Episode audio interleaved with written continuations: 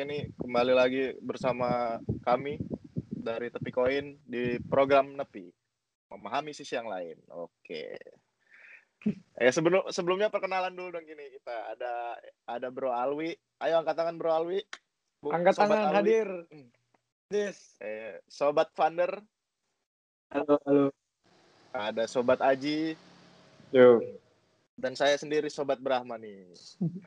iya. Nih pertama-pertama nih gimana dulu nih kabarnya nih di masa-masa pandemi kayak gini, yang kuliah online lagi. Apa kabar nih? Apa kabar? Sehat bro. Alhamdulillah. Mantap, mantap. Sehat Aman sih. semua. Aman. Malah ini yang ditunggu-tunggu nih online. Iya. syukur, syukur deh. Seru juga ya bikin gini. Kalau- Beda beda kota semua. Iya. Tapi online asik juga. Tapi online. Oke, teman-teman kalau misalnya ada yang mau ikut nanti bisa deh ada grupnya tuh. Tunggu aja ya. Nah, nih, Makin nih, rame makin masuk- asik. Iya dong. Masuk ke topik aja nih ya langsung aja sih. Eh, pasti teman-teman pernah denger ya, lagi lagi zaman nih dengan kata-kata open minded nih. Pasti semuanya pernah dengar kan dari teman-temannya. Apalagi kita kuliah di luar negeri kan pasti eh, dicap orang, wih ini orangnya open minded nih atau gimana karena sering bergaul dengan orang-orang luar gitu. Nah, open minded sendiri tuh eh, menurut Wikipedia sih itu itu itu adalah cara kita untuk menerima ide-ide baru. Itu menurut Wikipedia. Kalau menurut saya sih sebenarnya ya mirip-mirip seperti itu sih gimana cara orang eh, buat menerima hal-hal yang baru gitu. Apakah eh, dia menerimanya accept mengacceptnya atau mendecline-nya semacam itu. Nah, menurut eh, bro-bro nih, sobat-sobat nih gimana nih? Menurutnya open minded itu apaan sih? Menurut Bro Alwi deh. Hmm, open-minded ya. Eh, sebenarnya gini sih, untuk permulaan mau cerita dulu. Jadi, memang kalau open-minded nih banyak banget sering dengar-dengar juga dari teman, dari sosial media tuh juga lagi banyak banget, lagi sering juga diucapin kata-kata open-minded. Atau kalau bahasa Indonesia itu kan berpikiran terbuka lah ya. Jadi kalau menurut saya sendiri sih simpelnya tuh ya gimana caranya kita tuh pada saat ketemu dengan ide baru, ketemu dengan sesuatu yang ibaratnya tuh nggak nggak ada di kepala kita sebelumnya, terus tiba-tiba kayak mau dimasukin sama orang gitu atau kayak dari Instagram atau dari internet media gitu, ya gimana caranya biar kita tuh nggak nggak apa ya, nggak langsung skeptis dari awal gitu loh, nggak langsung nilai Hmm. kalau itu tuh idenya buruk, seperti itu sih. Cuma lagi-lagi ada batasan-batasannya tersendiri untuk open minded ini. Jadi nggak nggak mesti-mesti kayak open minded harus semua diterima nggak balik lagi kan harus ada Hmm. filternya kayak gitu. Jadi kayak respon kita buat eh, sesuatu yang baru gitu ya. Iya. Oke. Nah, kalau menurut Bro Aji ini gimana nih? Jadi menurutku open minded itu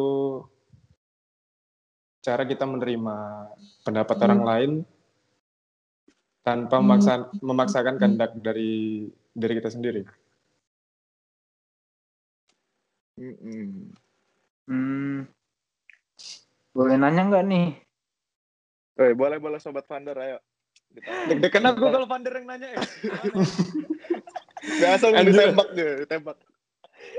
Tadi kan nangkapnya gini kan dari Alwi sama Sob Aji ini kan eh intinya open mind itu open terbuka dengan pendapat dari orang lain langsung kita terbuka menerima. Tapi dari sisi Alwi tadi kan dari sisi Sob Alwi ini dengan batasan-batasan ya kan tadi kayak gitu kan? Iya. kalau dari Sob Aji tadi eh, yang diterima diri sendiri gimana tadi ya? Gimana Ji? Tanpa ada paksaan Maksud- gitu. Oh tanpa ada paksaan gitu ya? Iya, tanpa Nah ada jadi kan, eh, jadi kan aku nih ada dengar-dengar ya dari teman juga kadang atau dari orang lain baca-baca gitu. Ada yang merasa mungkin kayak mulai mengikuti banyak budaya barat istilahnya sampai atau pergaulan bebas atau bahkan sampai LGBT menganggap itu adalah suatu hal yang bisa menerima itu adalah open minded kan agak berlawanan ya mungkin di sisi Alwi itu. Bagi dia itu tidak sesuai batasan ya kalau aku benar nangkapnya gitu. Di sisi Bro Aji ini itu tidak memaksakan kehendak kan. Nah tapi batasan-batasannya itu seperti apa sih? Kan nggak ada juga yang meng, uh, mengklasifikasikan itu nggak ada yang menentukan itu masing-masing pendapat orang juga beda jadi open minded Ya itu seperti apa sih? Aku rasa aku belum mengerti banget gitu kan penjelasannya itu seperti apa. Mana tahu dari diskusi kita ini ada yang ya kita bisa tarik kesimpulan lah yang lebih jelas. Entah seperti apa bagusnya open minded atau bahkan close minded itu lebih baik. Jadi gimana menurut sob-sob sekalian? Kalau menurutku eh, batasan dari open minded itu menurutku sendiri ya. Hmm. Selagi orang lain itu nggak menyakiti aku atau orang-orang yang ku kenal, selagi pendapat mereka itu masuk akal dan bisa diterima, itu sih menurutku batasannya itu di situ. Selagi kita masih bisa menerima ya Nah, kalau sobat kalau, tahu gimana nih menurutnya? Kalau dari aku sendiri sebenarnya lebih gini sih kayak apa ya? Jadi ibaratnya tuh kayak rumah. Jadi sebelum rumah itu bisa kita dekor aneh-aneh, sebelum rumah itu bisa kita apa ya hias lah, mau dibikin arsitekturnya kayak mana kak? Bu, tentunya butuh kayak pondasi yang kuat gitu loh. Jadi biar supaya keindahan yang ada di atas tuh bisa tertopang dengan bagus, ya kita butuh pondasi yang kuat pada butuh fondasi yang jelas gitu loh. Jadi dalam artian gini, kita memang harus selalu terbuka pada ide yang baru, kita juga harus selalu terbuka pada kesempatan-kesempatan yang datang. Tapi dengan dengan catatan bahwa ya kita perlu gitu loh tahu diri kita dulu ini siapa, prinsip kita itu apa, dan yang menjadi dasar dan fondasi di pikiran kita itu apa, yang menjadi apa ya ibaratnya pandangan hidup tuh seperti apa. Ya contohnya kayak mungkin orang beragama. Pasti kan orang beragama punya adalah pasti kitab suci gitu loh. Ya jadikanlah kitab suci ini sebagai acuan sebagai dasar sebagai pondasi untuk kalian. Dan untuk saya sendiri ya untuk menerima hal baru. Ibaratnya gini loh kita boleh berbeda pendapat tapi bukan berarti perbedaan pendapat ini buat kita musuh gitu loh aku nggak setuju pendapatmu tapi keluargai gitu loh. Aku nggak bilang hmm. kalau kamu berpikir gini ya udah kita nggak usah berteman. Nggak nggak nggak nggak se apa ya udah gede lah kita maksudnya udah udah udah kuliah gitu loh. Udah udah nggak nggak anak-anak SD lagi jadi ya itu yang penting tuh punya dasar yang kuat kita tahu prinsip kita apa karena tanpa ada prinsip mau sebagus apa pun hiasan di rumah tuh arsitekturnya tuh juga lama-lama bakal hancur sendiri gitu loh kalau nggak punya prinsip itu sih menurutku batasannya harus punya prinsip dulu sebelum mencoba untuk mengeksplor ide di luar karena kalau kita nggak punya prinsip jatuhnya ya ikutin arus-arus terus ya jadinya ya hanyut. Ya ya berarti uh, dengan landasan prinsip-prinsip tadi ya. Hmm. Masih bingung juga sih sebenarnya. Maksudnya kalau kita punya prinsip nanti kita dibilang close minded. Kita nggak punya prinsip. Kan sesuatu yang berkebalikan gitu gak sih? Saat kita tabrakan itu sama prinsip dibilang kita udah mulai nggak bisa menerima gitu. Atau ini hanya sekedar pendapat-pendapat orang aja. Jadi sebetulnya yang penting tuh di bagian mananya sih cara berpikirnya tuh bagaimana sih itu yang mau aku tangkap sekarang gitu kan. Ini modelnya curhat kayak gambre. Iya. Namanya nggak paham gini kan apalagi sering dibilang-bilangin gitu loh sama teman-teman gitu kan. Oh kamu nggak open minded kamu nggak open minded ada yang bilang kamu terlalu close ma apa? Terlalu open minded gitu kadang-kadang kan. Jadi masih cari pengertian ada sih nangkap dikit-dikit gitu dari pendapatnya Aji Alwi atau dari Wikipedia-nya Brahma tadi kan ya kayak gitu sih. Mungkin jadi caranya menyikapi orang yang ngomongin kita kayak gitu kayak apa sih baiknya? Dari kalian? Apa sebenarnya orang yang ngomongin kita nggak open minded itu adalah orang yang benar-benar nggak open minded gimana pendapat kalian?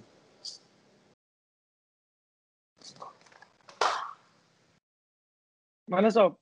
Itu kayaknya yang lampunya warna merah, warna hijau kayaknya open minded. Waduh. Ya gimana? Gimana cara menyikapinya ya simpel aja sih kalau kalau saya sendiri gimana ya? Ya kalau memang eh itu jadi jadi refleksi juga sih buat kita. Misalnya orang itu bilang nggak open minded, apa sih yang bikin baru ya kita tanya apa sih yang menurut menurut lu gua nih nggak open minded itu gimana apanya gitu kan. Baru eh ya kalau misalnya eh, maksud kita nggak nggak seperti itu ya udah ya kita bilangin aja. Kalau ya prinsip prinsip gua tuh kayak gini gitu loh. Jadi eh, nggak selamanya orang berprinsip itu nggak nggak open minded dan segala macam gitu. Kalau menurut saya sih gitu Kalau aku setuju sih sama Brahma bilang bilangin ke orangnya kalau kita punya prinsip dan kita harus ngerti kalau pola pikir manusia itu beda-beda setiap orang.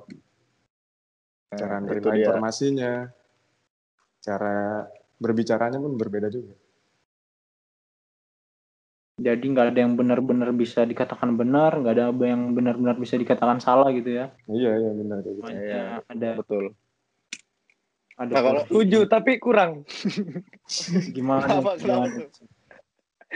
Eh, gini sih sebenarnya balik lagi kayak bisa dua hal sih di sini jatuhnya. Kayak kita ini peduli nggak sih sama orang ini? Sama yang kedua tuh kayak kita atau sekedar orang nih ya cuma teman biasa aja Hmm, gitu. Misalnya kalau dalam artian kita nganggap itu sebagai teman biasa aja atau kayak sekedar kenalan, ya menurutku approach yang dipakai Brahma sama Aji tadi udah oke karena ibaratnya kayak ya sudah pendapatmu begini, pendapatku begi begitu, ya sudah leave it there gitu loh. Maksudnya ya tinggalkan di situ, nggak perlu sampai kayak adu mulut harus kita kayak oh pokoknya kamu terus pikiran sama aku. Kalau kamu gak sepemikiran sama aku berarti kamu gak open minded. Enggak enggak enggak itu itu menurutku udah udah atas personal masing-masing orang gitu loh. Cuma kalau dalam artian kita peduli sama orang itu ya mau nggak mau kita juga harus effort dikit sekalipun dibilang nggak open minded ya sudah contoh gini loh misalnya tanpa ingin menyinggung pihak mana pun kayak contoh nih kalau dalam Islam kan alkohol tuh haram gitu kan hmm. Hmm. dan pada saat ada yang- orang yang bilang eh mumpung tinggal di luar negeri nih enak nih kayaknya murah di sini nyarinya gampang Benar. gitu loh ya kan Bram nyarinya gampang Kenapa Bram lagi nih? Aduh. Nyarinya gampang. ya udah beli ngeliatin teman minum. Terus ya coba ngasih tahu gitu loh. Eh bro nggak boleh loh kayak gini. Jangan sampai kayak keluar negeri malah. Misalnya secara agama malah jadi turun kayak gitu loh sebenarnya. Ya balik lagi sih kita peduli atau enggak kalau memang kita peduli ya coba aja untuk kalau memang menurut kita ya itu buruk ya coba aja. Tapi kalau memang sekiranya teman-teman biasa aja atau sekedar stranger ya sudah gitu loh malas juga kan cari musuh kan udah banyak nah Hmm. datang sendiri nggak dicari Eh, tapi Bro Alwin, eh, Sobat Alwin nih, tapi kalau eh, apa ya? eh, harus nggak sih eh, secara paksaan gitu untuk memberitahunya gitu? Kalau menurut saya sih, kalau menurut eh, Hmm. aku sih kayak at least eh, aku udah ngasih tahu sekali atau enggak dua kali gitu loh. Kalau misalnya ambil contoh tadi masalah alko- alkohol gitu kan. Kalau udah kasih tahu sekali dua kali, misalnya dia emang mau dan tahu eh, apa sih namanya? Tahu akibatnya ya udah kayak aku biarin aja gitu. Jadi itu kembali lagi ke dianya gitu. Kalau aku pribadi sih kayak gitu. iya memang harus balik ke orangnya sendiri sih ya Hmm. kecuali memang kalau konteksnya kayak keluarga gitu kan ya mau mau kan kita Hmm. peduli gitu loh maksudnya apa pun yang dia lakukan nanti kita juga gitu loh yang repot kayak gitu sih sebenarnya kalau Oh. dari dari aku sendiri ah. Cuma kalau memang ada yang kayak hal yang terlalu ekstrim tuh ya sudahlah.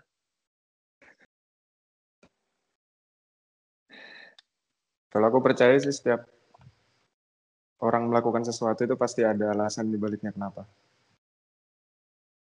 Kalau kamu dari gimana der nanggapin misal ada saudaramu atau apa gitu yang kita kan tadi bahas alkohol Hmm. kan, yang gitu alkoholik. Kalau misalnya ada dari mereka yang sampai sebegitunya ya, ini saudara, teman atau apa nih? Ya Orang yang orang-orang yang dekat sama kamu lah. Yang kamu cintai Ya. lah at least. Nah ya, Dan yang kamu peduli, Iya, peduli yang kamu sama. peduli. Heeh. Hmm. Ya kalau aku sih biasanya ya tipe orang kan orangnya nggak enakan gitu ya. Jadi kalau mau negur nanti kadang nggak enak, kadang takut orangnya marah. Jadi mungkin pakai cara halus gitu kali ya, kayak mancing-mancing. Ntar eh, mulai-mulai dengan diskusi gitu kan. Hmm. Gimana sih menurutmu kalau minum-minum tuh enak nggak sih? Kan ntar tanya lagi itu kan rasa enaknya ntar tanya lagi gimana efek buruknya terus pancing-pancing lagi tuh sampai kayak nanti kalau minum terus gimana sih kan kita bawa terus sampai ke efek buruknya jadi mungkin cara ngasih taunya kayak gitu sampai mereka yang terrespon untuk memikirkan hal-hal buruknya itu efek samping dari itu tanpa perlu harus kita ngasih tahu karena kebanyakan orang terutama orang-orang di sekitarku ini ya orang yang sensitif mungkin di umur-umur yang masih muda itu kan masih banyak yang belum bisa menerima pendapat. Jadi bagusnya sih kalau dari aku sih kebetulan nih hobiku mancing ya. Namanya kita jualan ikan kan mancing-mancing jadi pancing aja sampai mikirnya buruk kayak gitu. Ntar sadar sendiri kok. Kalau dari aku gitu sih. Kalau sudah enak buat langsung diomongin sudah dia mikir buruknya baru kita ngomongin gitu kan. Ada timingnya sendiri. Hmm. gitu so kalau dari aku ya. Kalau dari kalian mungkin lain.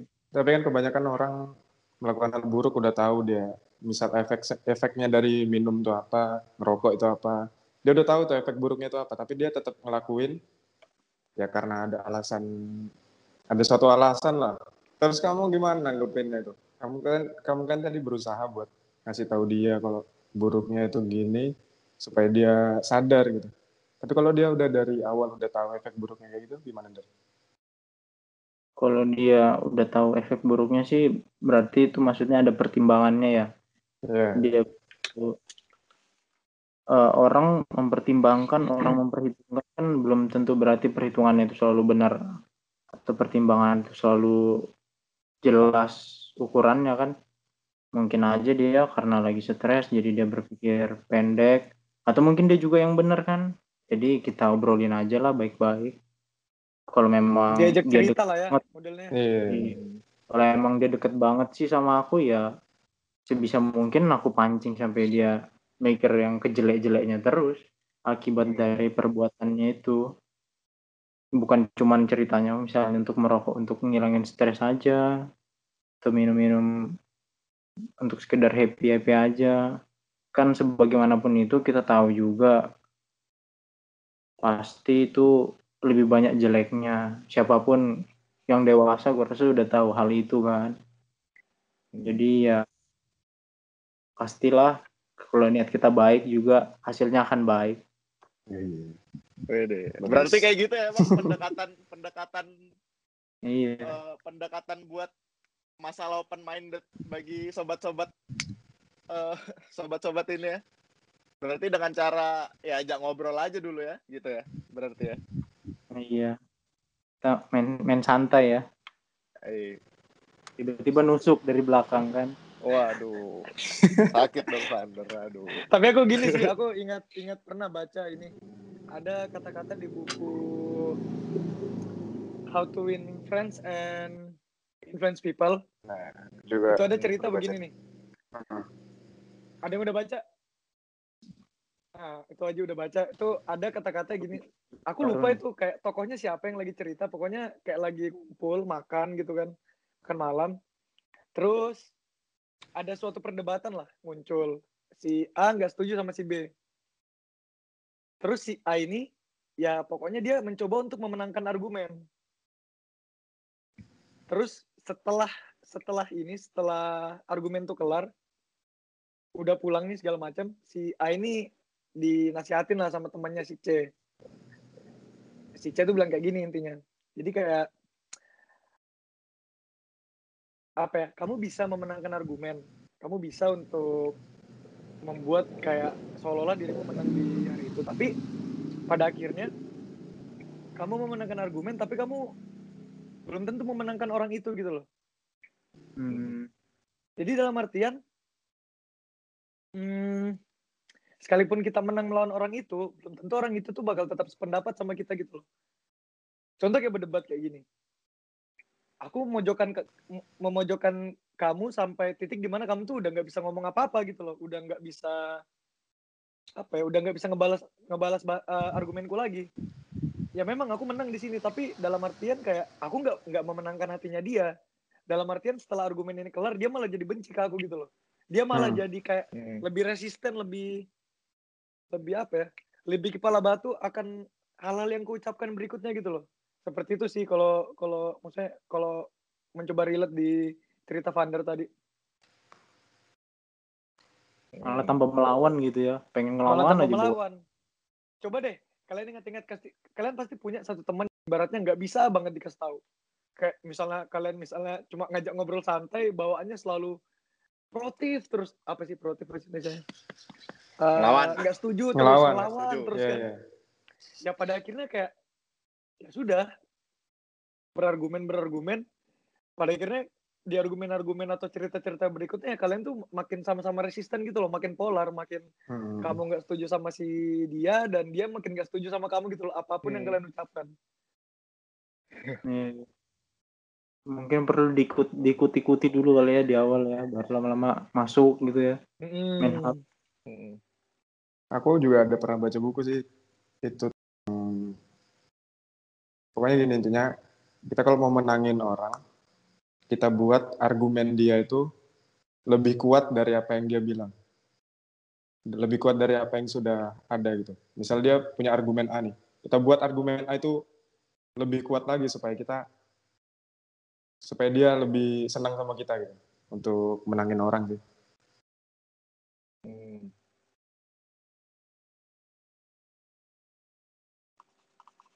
Eh, modelnya kayak psikologi terbalik-balik gitu kali ya modelnya. Iya, iya.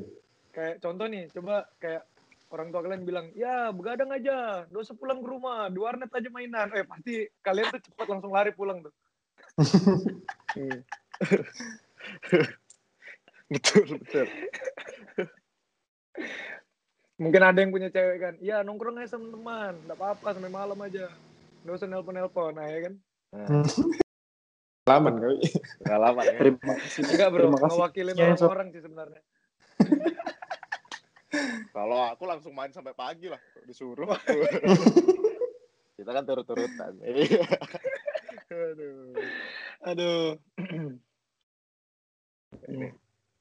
Rame juga ya ngomongin open minded sampai sini. Eh, waduh.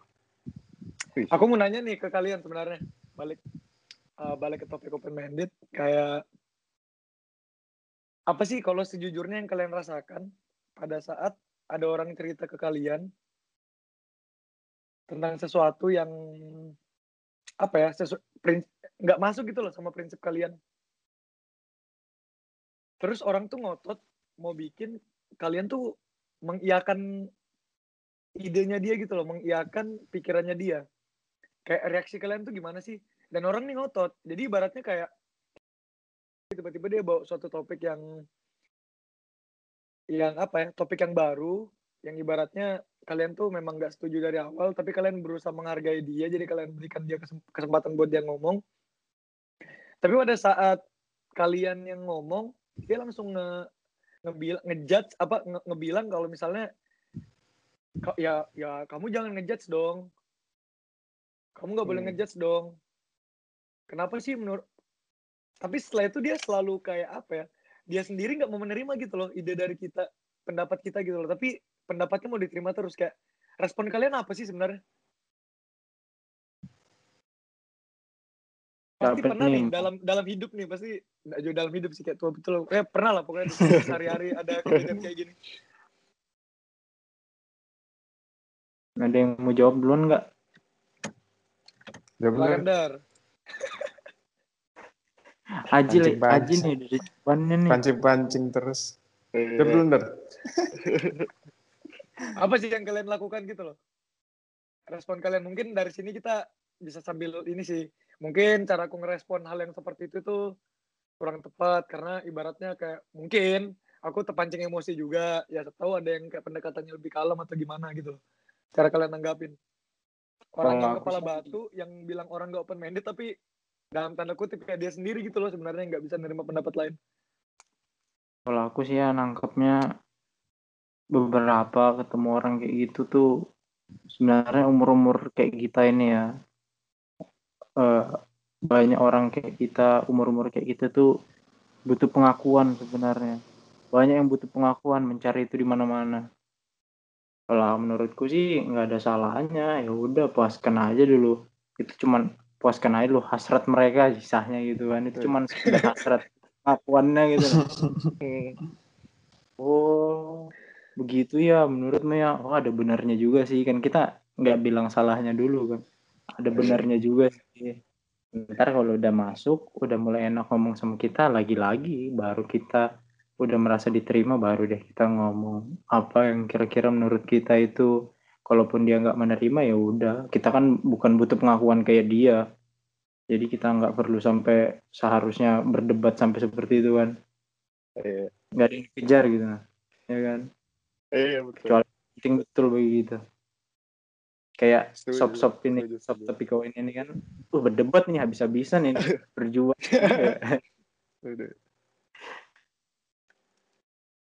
Setuju. Sih sama Vander tadi. menurut sop Aji sama Bram gimana Setuju sama Vander tadi. Kalau kalau saya pribadi sih ya kayak ada orang kayak gitu untuk pertama ya ya udah. Saya kan emang orangnya iyain aja kan kadang-. Iya, kita iyain aja dulu kan. Nanti eh, setelah berapa lama kan pasti dia juga bakal belajar dengan sendirinya dengan sadarnya gitu kan. hmm, menjadi orang yang lebih baik, menjadi orang yang tahu oh iya ternyata aku selama ini salah ya gitu. Jadi ya ditunggu saja lah.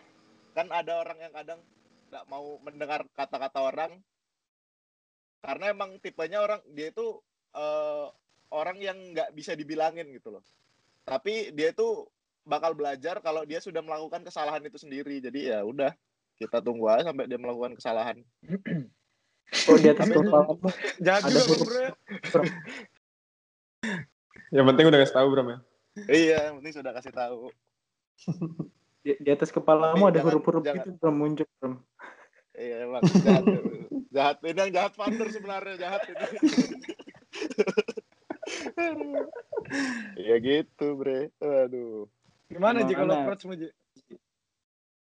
Untuk nanggepin orang-orang kayak gitu ya. Aku kadang terpancing soalnya maksudnya kayak apa ya?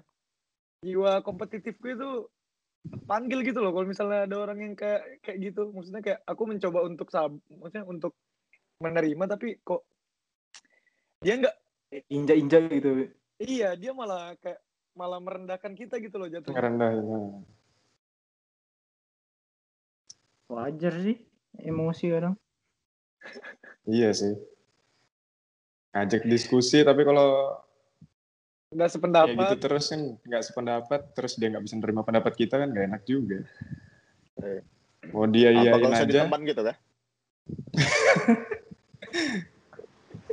Cari lagi teman yang sefrekuensi gitu. Apa enggak ya? Gimana tuh gimana? Tapi kalau Tapi menurutku juga sih kalau yang dia- kayak dibilang istilahnya kita pilih circle yang bagus lah supaya kita jadi orang yang bagus juga kan kalau kita masuk ke circle-circle yang kayak gitu jadinya isinya dengki di hati aja ikut-ikut jadi begitu juga kita tukang pendebat tanpa ada tujuan kan Iya. menjadi tapi tapi circle yang bagus kan nggak harus pemikiran der. nah ini lagi nih sisi yang lain Baru mau keserang ini padahal ini. Jadinya jadi close minded kita. Oh iya, apalagi temanya open minded ya malam ini ya. Betul. Jadi gimana tuh? Gimana tuh? Counter lagi dar, cepet dar. Gimana? Der? Hah? Gimana? Counter lagi, counter lagi. Circle yang bagus kan nggak harus pendapat, nggak harus Apa tadi pertanyaannya? A, kamu juga A. Circle yang bagus kan nggak nggak harus sependapat Hmm. kayak aku A, kamu juga harus A. Circle di sini nih bukan circle yang sependapat atau tidak sependapat sih, tapi kayak dia bisa berdiskusi atau tidak gitu kan. Kalau dia memang tidak bisa berdiskusi dalam artian hanya mau berdebat-berdebat tanpa tujuan yang jelas, buat aku circle itu Tapi memang ada ya orang-orang maksudnya kayak teman-teman yang seperti itu ya maksudnya Oh, ada apa-apa ada. di debat, ada apa-apa di debat gitu loh. Hmm.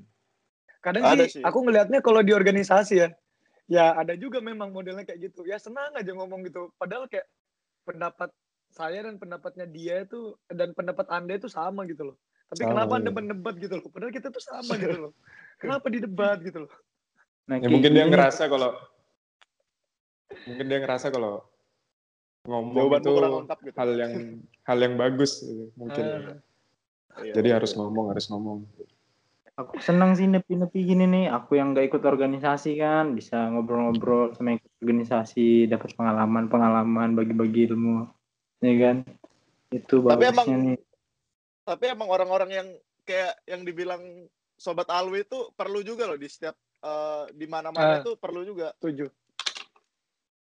Ya Setuju, emang untuk setuju. kita yang enggak senang dengan dia eh maksudnya enggak senang eh, bukan enggak senang orangnya loh ya, senang- Personal.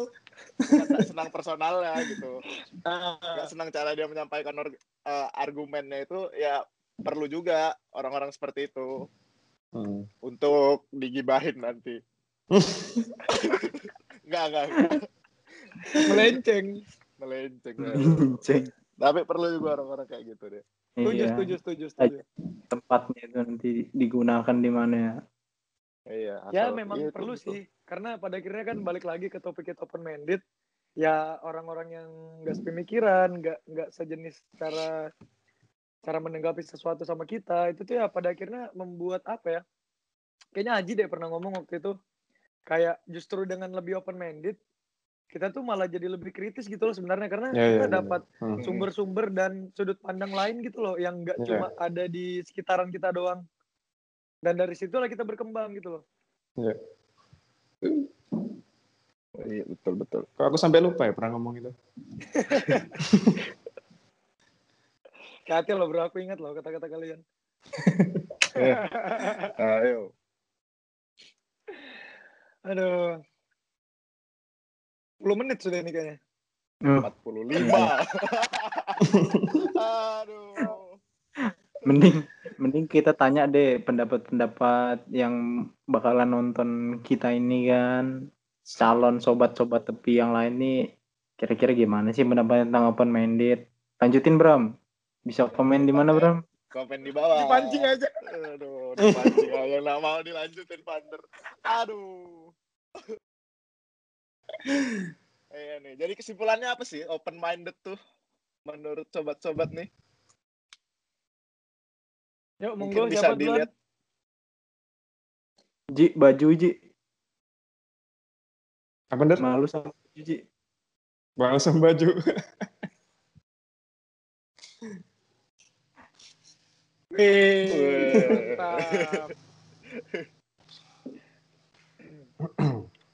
Simpel yang kesimpulannya ya?